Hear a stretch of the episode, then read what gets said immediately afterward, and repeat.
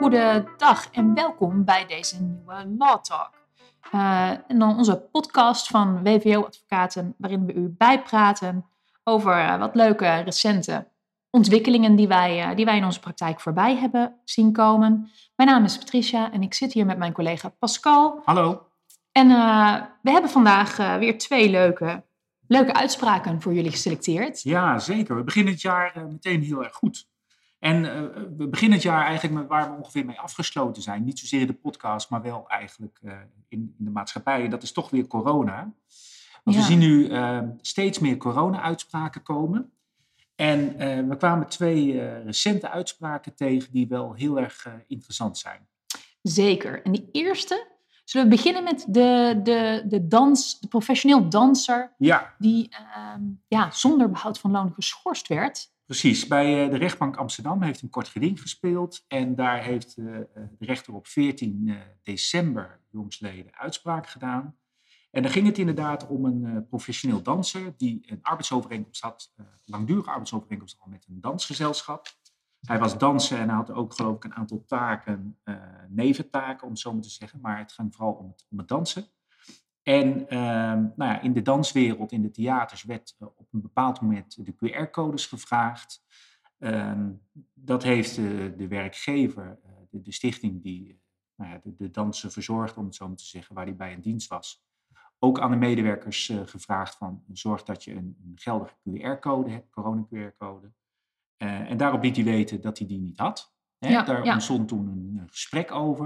Uiteindelijk heeft hij toen nog wel kunnen dansen, omdat het theater kennelijk die QR-code ja, niet, niet vereiste. Precies, we hadden toen inderdaad die situatie dat klanten hè, van het theater wel een QR-code moesten laten zien, maar personeel niet. Dus daar was even wat onduidelijkheid Een volgens mij. Is. Precies. Ja. Dus daar was even wat, wat onduidelijkheid over. Uiteindelijk bleek die QR-code niet, niet uh, verplicht voor die betreffende dansvoorstelling. Maar ja, dat was wel de aanleiding uh, voor partijen om met elkaar in gesprek gaan over, te gaan over die QR-code. Want deze werknemer, die bleek niet te zijn gevaccineerd, wilde dat ook niet. Nou ja, dat is natuurlijk uh, een te respecteren belang, maar uh, tegelijkertijd zat het dansgezelschap een beetje in een spagaat. Want die dacht, ja, ik zit hier met een, hè, we zitten in een coronapandemie en ik zit met een niet gevaccineerde medewerker die wel bij repetities en voorstellingen in nauw contact komt met, zijn, met andere dansers. Precies, dat is inherent aan dansen natuurlijk. Precies. Ja. En hij wilde zich ook niet laten testen. Dus de QR-code voor testen wilde hij ook niet. Hè? Nee. Dus, uh, nee. Hij nam daar volledig afstand van. Dus daar zijn ze toen mee in gesprek, of over in gesprek gegaan. Ondanks dat de danser zei van ja, ik heb die voorstelling gedaan, deze, dus het is eigenlijk niet meer relevant. Maar, ja. Uh, en ik denk terecht, de werkgever had zoiets van ja, dat, dat gaat wel langer duren, dus dit gaat vaker voorkomen. Ja. Um, en daarna, uh, na dat gesprek, um, hebben ze ook de maatregelen aangescherpt. In die zin Ja. dat ze een beleid hebben gevoerd waarbij ze de medewerkers hebben gevraagd, alle medewerkers, dus niet alleen deze, om Nee. wekelijks een zelftest te doen en Ja. de uitslag ervan mede te delen aan de werkgever. ja, de positieve uitslag in ieder geval mee te delen aan de, aan de werkgever. Overigens gold dit volgens mij ook, zoals ik het lees, ook voor de gevaccineerde medewerkers. Ja, voor iedereen inderdaad. En, en wat denk ik nog belangrijk is om te noemen, is dat deze mede, de- de- dit dansgezelschap deed het niet omdat ze dat nou zo leuk vonden. Maar eh dit dansgezelschap is als werkgever natuurlijk verantwoordelijk voor het creëren van een veilige werkomgeving. Precies, en dat zien wij natuurlijk in onze praktijk ook regelmatig voorkomen. Dat een werkgever zegt van ja, ik, ik moet zorgen voor een veilige eh, werkplek, wij- Ja. werkomgeving. Ja. En hoe kan ik nou zorgen dat mijn medewerkers, dat degenen die daar zitten, dat ze elkaar ook niet besmetten of wat dan ook. Ja. En dan komt toch steeds het eh, privacy-argument en natuurlijk ja, de, de berichten van de autoriteit persoonsgegevens om de hoek kijken. En dat is wel interessant dat de rechter dat in zijn uitspraak ook heeft, eh, heeft meegenomen. Want eh, uiteindelijk dus weigerde deze danser om ook die zelftesten te doen. Ja, of precies. de Want, want dat is inderdaad nog even, dat was het beleid. Hè. Werkgever zei, joh, iedereen doe wekelijks even een zelftest. Als je positief bent, dan moet je je even door de GGD laten testen en dan moet je thuis blijven. Maar doe in ieder geval allemaal elke week die, die zelftest. Precies. En daarvan zei deze danser, nou dat ga ik niet doen. Ja. En toen zei de werkgever, ja dan kunnen we jou gewoon niet toelaten tot zeg Ja. maar de werkplek, om het zo maar te benoemen. Klopt. Eh, en daarmee ja, kunnen we jou niet inzetten. En wij zien dat als een, ja, een risico of een omstandigheid die voor jouw rekening een risico moet komen. Ja. In de zin van artikel 628. Ja. En dus geen recht op loon. En daar Eh, ging uiteindelijk het kort geding over, omdat de medewerker zei van ja, dit kan je helemaal niet van mij vragen. Eh, dit, is, dit is geen redelijk eis eh, en dus heb ik wel recht op loon. Ja. En wat ik heel mooi vind in die uitspraak is dat de rechter het eigenlijk ja, juridisch zeg maar helemaal afpelt. Ja. die gaat in op de omstandigheden, die gaat ook in op nou ja, ook het verweer wat natuurlijk gevoerd is over ja, hoe, hoe goed is zo'n zelftest dan, wat is het Ja. belang daarvan. Hoe verhoudt zich dat tot andere veiligheidsmaatregelen die eh, genomen kunnen worden? En ehm, de rechter zegt dat het doel van de stichting om eh, de werkomgeving veilig te scheppen eh, een zwaarwegend feit is. Ja, en dat precies. moet afgewogen worden tegen de argumenten van de medewerker om nou ja, dat te weigeren. Ja. En in combinatie daarvan ook of het een maatregel is die dan, zoals we dat noemen, proportioneel is. Die, die Ja. naar de omstandigheden redelijk is. Precies, rechters die volgen altijd bij dit soort zaken, hè, wanneer het gaat om, eh, nou ja, wordt een bepaalde eh, regel, wordt daarmee een, inbreuk gepleegd op een grondrecht, wordt altijd volgens een bepaald stramien eh, door een rechter beoordeeld. Hè. Eén is er een legitiem doel, nou, daar was hier sprake van, hè, want de werkgever moet zorgen voor een veilige werkomgeving. Maar gebruik je dan een, een geschikt middel? Is de, de inbreuk op het recht van de werknemer evenredig in verhouding tot het belang van de, van de werkgever? En is er geen minder verstrekkend middel mogelijk? Want je moet natuurlijk altijd als werkgever eh, kiezen, naar, eh, nou ja, kiezen voor, de, voor de, ja, de maatregel die het minst eh, inbreukmakend is voor, voor de werknemer. Precies, en dat is die proportionaliteitseis. En de medewerker had ook aangegeven van ja, weet je, er zijn nog andere maatregelen mogelijk. Ja, maar dat zijn dus de ondersteunende maatregelen, zoals de mondkapjes en, en handen wassen en afstand houden. ja. Maar afstand houden was natuurlijk een belangrijk iets. Dat was Ja. hier gewoon niet mogelijk. Ja, en hij had nog wel passend werk ook aangeboden. Hij had gezegd, ja, maar ik kan ook nog wel andere dingen doen. Eh, dan had hij het bijvoorbeeld over coachen of, of adviseren. Maar dat waren eigenlijk ook allemaal werkzaamheden waarbij de werkgever in ieder geval aannemelijk kon maken dat dat niet eh, met een bepaalde afstand uitgevoerd kon worden. Precies. Dus aan al die werkzaamheden eh, zat nou eenmaal vast dat dat ja, in nauw contact met anderen eh, plaats moest vinden. Ja, en dus die, die rechter maakte dus, zoals je net al zei, de afweging tussen aan de ene kant zeg maar inbreuk op het grondrecht van de medewerker, hè, persoonlijke ja. lichamelijke integriteit. Ehm, eh, en aan de andere kant het belang van de werkgever voor de veilige werkplek. En in dit geval, en dat is wel interessant ook voor andere situaties, oordeelde de rechter dus dat het belang van de werkgever zwaarder woog. Ja.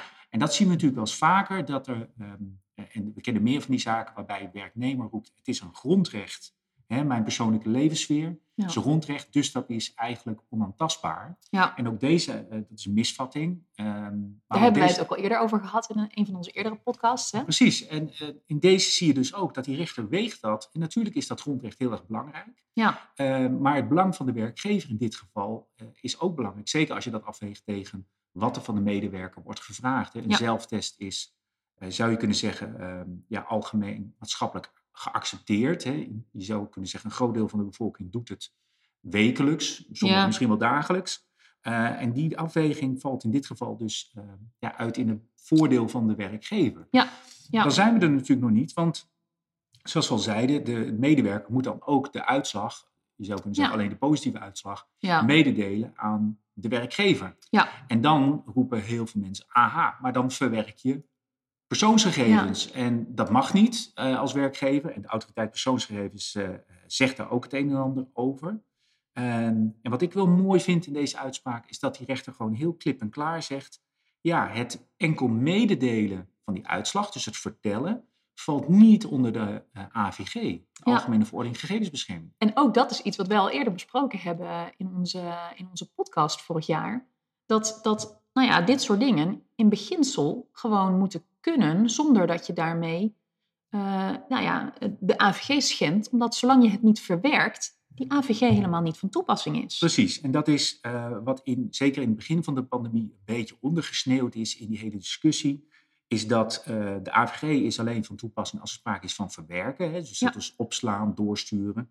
Maar het enkel vertellen ehm, dat het in het hoofd van de werkgever zit, dan verwerk je het niet. Ja. Ehm, en dan, als er daar maar ook niet ergens anders wordt vastgelegd van, goh, beste medewerker, je krijgt geen toegang tot het pand, want je bent positief getest, want dan ga je wel verwerken. Ja, precies. Als er wordt gezegd, goh joh, weet je, we laten jou gewoon niet toe. Ja, Punt. Om wat voor reden dan ook, eh, zonder dat die reden te vermelden, dan verwerk je dus geen gezondheidsgegeven en is het dus gewoon toegestaan. En dat Ja. zegt de rechter eigenlijk ja, in, in twee zinnen, Ja. eh, dat de AVG niet van toepassing is, omdat niet is komen vast te staan dat de werkgever het, eh, het verwerkt. Ja, precies. Wat ik overigens ook nog wel opvallend vond in deze uitspraak is, deze medewerker zijn natuurlijk, ik denk ook wel terecht, van ja, weet je, hecht je niet te veel belang aan zo'n zelftest. Hè? Ja, Ehm, en daarvan maakte de rechter nog wel een opmerking van, ja, weet je, als werkgever, je moet je wel blijven verdiepen steeds in wat is nou de waarde van die zelftest en hoe, ehm, nou ja, hoe moet ik daarmee omgaan. Dus het Ja. vergt wel echt van een werkgever dat je je steeds, nou ja, steeds bewust bent van, oké, hoe wat, wat, wat is nou de huidige stand van zaken, wat is nu de beste manier. ja, Uh, en daar moet je wel je beleid op, op uh, aanpassen. Dus het vergt wel een, uh, een, actieve houding van de werkgever om steeds na te blijven denken over je beleid. Ja, kijk, eh, iets wat we denk ik geleerd hebben in deze hele coronasituatie is dat uh, dingen continu veranderen. Um, ja. uh, zowel het beleid van het RIVM, waar we het zo ook nog over gaan hebben in een andere uitspraak. Ja. Um, zoals de mondkapjesdiscussie, maar ook inderdaad de testen. Hè, waar ja. we nu horen dat de, de laatste Omicron-variant uh, misschien minder geschikt is voor de zelftest. Ja. Maar dat, zijn, ja, dat is nog niet helemaal uh, duidelijk. Of dat je dat anders moet testen, hè, in de keel in plaats van in de neus. Ja. En het is inderdaad wel interessant dat de rechter daar wel al ja, Precies, een waarschuwing voor doet. Hij zegt het is raadzaam dat de werkgever zich daarover blijft informeren. Ja. Dat betekent dat je coronabeleid eigenlijk continu moet aanpassen aan de laatste stand van Ja. zaken. Ja. En ik denk dat dat ook een, een belangrijk advies is aan de luisteraars. Van, betrek er ook je arbodienst in. Want um, het is uh, natuurlijk goed om je te laten informeren door uh, het nieuws, RTL Nieuws, nu.nl, wie dan ook allemaal. Um, maar zorg dat je beleid ook medisch goed gebaseerd is. En dan kom je toch weer bij je arbodienst en met name bij je bedrijfsarts uit. Die daarin moet adviseren wat de Ja. beste um, Ja. ja. bijvoorbeeld testmethode is of zo voor de Ja. betrekkende situatie. Ja, en daar kun je dan beleid op gaan baseren. Ja, en in dit geval uh, viste de medewerker dus achter het net als het gaat om zijn loon. Want de werkgever zei van, nou ja, in dit geval was dat dus een redelijk voorschrift van de Ja. werkgever. Geen schending van de AVG. En um, nou ja, uh, het feit dat deze medewerker dus daarom niet kon worden ingezet, betekent dan wel dat een ander moest worden ingeschakeld. Ja. En met de beperkte financiële middelen van deze dansorganisatie Ja. uh, hoorde dat risico, dat financiële risico, Ja, wat het voorrekeningrisico van, uh, van de medewerker te komen. Precies, want dat is nog wel een tip voor, voor andere werkgevers die denken, hé, hey, ik kan hier wat mee met deze uitspraak.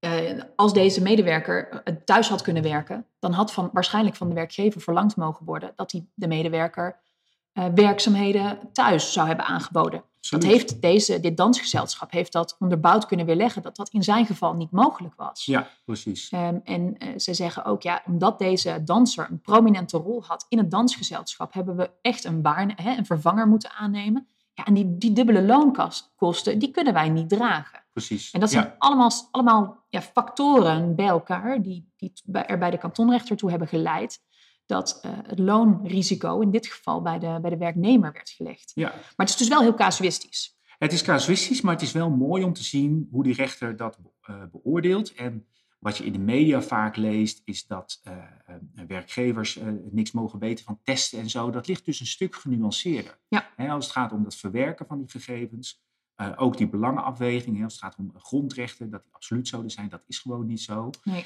En uh, nou ja, in dit geval had de werkgever dus gewoon een heel goed verhaal, Ja. goed onderbouwd. Ja, en had er Ehm. ook goed over nagedacht volgens mij. Om, hè, hoe kan ik nou met zo min mogelijk inbreuk toch de veiligheid waarborgen? Precies. En dat is denk ik wel wat, wat we hiervan kunnen leren. Je ziet ook, vind ik, een beetje in de jurisprudentie langzamerhand een verschuiving naar een steeds kritischere houding naar medewerkers. Waar in het begin van de coronapandemie misschien werd uitgelegd van ja, het is heel logisch dat medewerkers terughoudend zijn in bepaalde situaties. Of Ja. um, uh, zeg maar thuis blijven met bepaalde klachten als het volgens uh, het RIVM is, Ja, de, de ja. adviezen. Um, maar daar zie je langzaam een verschuiving. Dat zagen we denk ik ook in de, in de andere uitspraken Ja. die we bekeken hebben. Precies, want dat is inderdaad een mooi bruggetje naar onze, onze volgende uitspraak. Ehm, dit is een uitspraak ehm, van november 2021, dus wel eh, recent van de rechtbank Den Haag. Alleen ehm, het gaat over eigenlijk het begin van de coronapandemie. Want wij gingen in, eh, op, op 16 maart eh, 2020 hadden we de intelligente lockdown. We moesten thuis blijven bij eh, gezondheidsklachten. Dat nam de medewerker waar het hier over gaat heel serieus. Eh, die zei direct, ja, ik heb een, een loopneus of verkoudheidsklachten, ik kom niet werken. Die werkgever die dacht, oh, dit is een, die heeft het opgevat als een ziekmelding in eerste instantie. Ehm, maar deze medewerker zei, nee, ik ben helemaal niet ziek. Ik zou eigenlijk gewoon kunnen werken. Als ik normaal, hè, zonder die lockdown, zou ik met deze klachten gewoon zijn komen werken. Geen probleem. Alleen nu het advies van het RIVM is om thuis te blijven en ik een loopneus heb, blijf ik gewoon thuis. Precies. Nou ja, oké, ja, daar had die werkgever het in eerste instantie wel even mee te doen. Maar na tien dagen kwam die medewerker nog steeds niet werken, want hij had nog steeds last van verkoudheidsklachten. En op enig moment ja, begon dat, dat, toch wel een beetje te wringen bij die werkgever. En die begon, die, die, dus die heeft hem op een gegeven moment een aantal opties voorgehouden. Van ja, weet je, dit, deze situatie die kan niet blijven voortbestaan. Ik kan jou gewoon hier op het werk neerzetten. Ik kan zorgen dat jij niet in contact komt met andere medewerkers. Ik heb genoeg werkzaamheden hier liggen. Ik kan jou helaas niet thuis aan het werk zetten, want dat werk heb ik niet voorhanden. Uh, ofwel je neemt verlof op, dat kan ook, dan kun je ook gewoon thuis blijven. En anders moet je je op enig moment wel ziek melden. Ja. Um, vervolgens meldt die werkgever zich ziek en dan krijg je een andere situatie. Hè? Want dan ga je over naar, naar een 629 beoordeling. Maar in deze periode, uh, want uiteindelijk heeft de werknemer zich ziek gemeld op 1 mei. Maar in die periode van 16 maart tot 1 mei zit je in de 628 beoordeling. Ja, want je bent vrij lang uh, een loopneus, zullen we zeggen. Ja. Zes weken. Nou, iedereen die hooikoorts heeft, weet dat je dat misschien wel de hele zomer kunt volhouden, een loopneus. Um, maar dat zag je inderdaad in deze uitspraak wel, dat waar in het begin van de pandemie uh, en het RIVM-advies uh, natuurlijk was van uh, bij klachten thuisblijven, ja, ja. Dat, en de werkgever dat ook opvolgde, maar dat betekende dus niet dat je dan helemaal niks hoeft te doen als medewerker. Dat je alleen maar hoeft te roepen, ik heb een loopneus, dus ik blijf thuis. Ja. Want, um, en daar ging het in deze situatie over, er kan een situatie ontstaan dat je als werknemer verplicht bent om je dan toch ziek te melden. Ondanks dat je denkt dat je de werkzaamheden wel had kunnen uitvoeren. Maar dat er dan wel een medische beoordeling kan plaatsvinden via uh, de arbeidsdienst of bedrijfsarts. Precies. En dat is ook, want eh, nog even terug naar toen. Hè, want toen ik de uitspraak las, was mijn eerste reactie ook dat ik dacht, ja maar hij had zich toch op enig moment wel moeten kunnen laten testen. Maar die testmogelijkheid, die kwam pas vanaf juni 2020. Ja. Ja. Dus in die periode kon de werkgever ook nog niet zeggen, zelftesten hadden we toen nog helemaal niet. Maar werkgever kon dus ook niet zeggen, joh, ga even naar de GGD, laat je testen. En dan weten we in ieder geval of je, of je wel of niet het coronavirus onder de leden hebt. Dus, dus ze zaten echt een beetje in een vacuüm dat de, de werknemer zei, ja, ik mag niet komen werken. En de werkgever zei, ja, dit, dit, dit kan ook niet zo voortduren. Precies, dus waar je in het begin ziet dat het voor rekening risico van de werkgever komt, ja. komt er een kantelpunt. Hè, zo volgens mij zegt de rechter ook ja. zoiets. Ja. Dat op een, gegeven, op een gegeven moment mag van een werknemer ook worden verlangd dat hij zichzelf ziek meldt. Precies. En zeker in dit geval nadat die werkgever een aantal opties had geboden, waaronder de ziek melden. Ja. En toen die medewerker er eigenlijk niet aan gehoor wilde geven, ja. ja. dan krijg je dus de discussie, hoe zit het dan met het, uh, met het loon? Precies, en je ziet dat die rechter er best wel een beetje pragmatisch mee omgaat. Dus over maart is eigenlijk geen discussie, daar is het loon ook gewoon doorbetaald. Maar in april zegt die, zegt die rechter wel, ja, daar had op enig moment wel van jou verwacht mogen worden dat jij je had ziek gemeld. Ja. Um, en die rechter die lost dat pragmatisch op, want uiteindelijk is natuurlijk de discussie, had die werknemer recht op loon? En die, werkgever, of die, die rechter die middelt dat gewoon, hè? Die Ja, zegt die 50% voor de een, 50% voor de ander. Precies, en dat is wel belangrijk dus. De medewerker heeft zich niet ziek gemeld, dus je zit niet in 629. Het gaat eigenlijk over, uh, heeft hem, valt dit in rekening risico van de werknemer zijn handelen? Dus 628. Ja. En daar zegt de rechter over april krijgt hij de helft van het loon. En dat is ja, toevallig of niet ook het loon over de periode van 16 april tot 1 mei, wat ook de helft van de maand is. Eh, waarvan op 16 april was dus de, het aanbod van de werkgever die zei van nou, anders meld je je ziek, waar hij niet op inging, inging. Tot 1 mei dat hij zich wel ziek gemeld. Ja, Ehm, dat staat er niet, maar het lijkt er bijna op dat de rechter zegt Ja. over die periode Ja. heb je dan geen recht eh, op loon. precies. Het lijkt erop dat er... Maar goed, dat vind ik op zich... Ik vind het nog best een redelijke eh, uitleg zo van die rechter. Wat vind jij daarvan, Pascal? Ja, ik denk wel dat dit eh, past zeker bij die beginsituatie. Ik weet niet of dit meteen één op één nu weer van toepassing is. Zoals je al zegt, we hebben nu een test en heel iets anders. Maar eh, het is wel interessant voor misschien lopende zaken nog steeds. Hè, want dit was een bodemzaak. En de, de vorige zaak die we bespraken is een kort geding. Dus dan krijg je vrij snel, Ja. als een situatie zich voordoet, een, een voorlopige uitspraak. En dit is toch wel goed doordacht. En eh, ja, het, het heeft wel, zeg maar, de redelijkheid vloeit er uit alle kanten wel, eh, wel voort. Dus ik kan me daar iets wel bij voorstellen. Nou eindigde deze zaak daar niet, want ook daarna hadden ze nog behoorlijk gedoe en bonje en een arbeidsconflict uh, gelopen. Ja, precies. Deze arbeidsovereenkomst, dat was wel een arbeidsovereenkomst voor bepaalde tijd. Die eindigde volgens mij in september 2020. Dus ja, het zal je niet verbazen dat deze werkgever de arbeidsovereenkomst niet verlengd heeft. Uiteindelijk op 1 mei heeft de, heeft de werknemer zich ziek gemeld. Nou, dan ja, krijg je eigenlijk een andere situatie. Hè? Want dan ga je kijken naar 629. Komt er een bedrijfsarts bij kijken? Die bedrijfsarts die zei, ja, eigenlijk is hier sprake van een arbeidsconflict. Ik acht jou niet medisch gezien arbeidsongeschikt.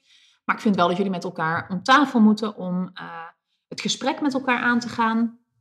Die werknemer was het er niet mee eens. Die vond zichzelf wel arbeidsongeschikt. Ja. Daar werd nog even over, over gesteggeld. De bedrijfsarts heeft meen op 4 mei een, uh, een oordeel gegeven. Vervolgens op 11 mei nog een keer opnieuw. Uh, waarin hij bevestigd heeft, nee, je bent niet medisch gezien arbeidsongeschikt. Maar ik zie wel dat er iets speelt in de arbeidsrelatie. Dus ga met elkaar om tafel. Ja. En uh, dat hield die medewerker wel heel lang af, hè? Ja, dat, daar, heeft hij, daar heeft, hij, de boot heel lang af, afgehouden. Hij heeft ook nog ja. een deskundige oordeel aangevraagd bij het UWV. Die zeiden uiteindelijk ook Um, volgens mij iets genuanceerder zeiden ze, ja, weet je, er is wel, hè, er, er zijn wel klachten, maar je bent niet, hè, reïntegratie was wel mogelijk ja, geweest. Dus hij had het gesprek kunnen voeren en dat vond ik ook wel mooi.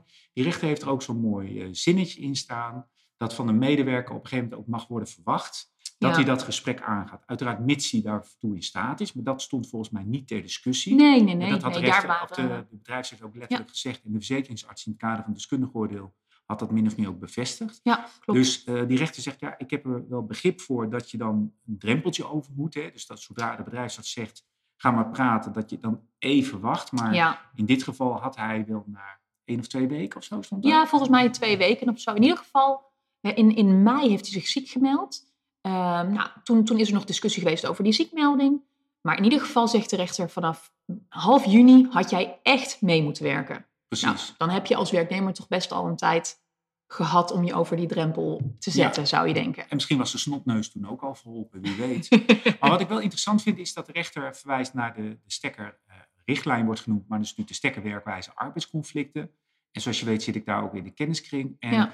um, wat daar vaak uh, al besproken is, dat staat in de vorige versies namelijk ook, is dat als je een conflict hebt, is het belangrijk dat je zo snel mogelijk met elkaar aan de tafel gaat ja. zitten. Ja. En want dan, uh, dan heb je de meeste kans dat het nog opgelost wordt. Ja. Eigenlijk wat de rechter hier doet van, ik heb er begrip voor dat je even uh, afstand neemt, uh, eigenlijk à la de afkoelingsperiode. Ja.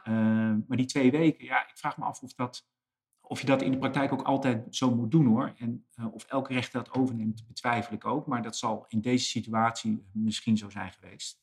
Ja, ja, ik weet, weet je, dat is natuurlijk altijd lastig als je zo'n uitspraak leest. Je, weet niet, je kent niet alle details, maar wat wij in de praktijk wel vaak proberen, is op het moment dat je zo'n zo'n advies krijgt van de bedrijfsarts, om echt zo snel mogelijk met elkaar in gesprek te zitten. Want hoe langer je wacht, hoe hoger die drempel voor die werknemer zal zijn. Ja. En bovendien moet je juist proberen, als er zo'n afkoelingsperiode is, om die tijd gewoon zo goed mogelijk te benutten en om het probleem dan ook echt op te lossen. Ja, precies. En, maar ja, dat is, dat, soms, uh, soms lukt dat gewoon niet. Ja. Nee, je ziet wel ook uh, collega-advocaten natuurlijk dat die proberen de boot af te houden. Of dat medewerkers het heel spannend vinden en zo. En dat is natuurlijk wel logisch, want ja. in zo'n conflict situatie het gesprek aangaan is lastig.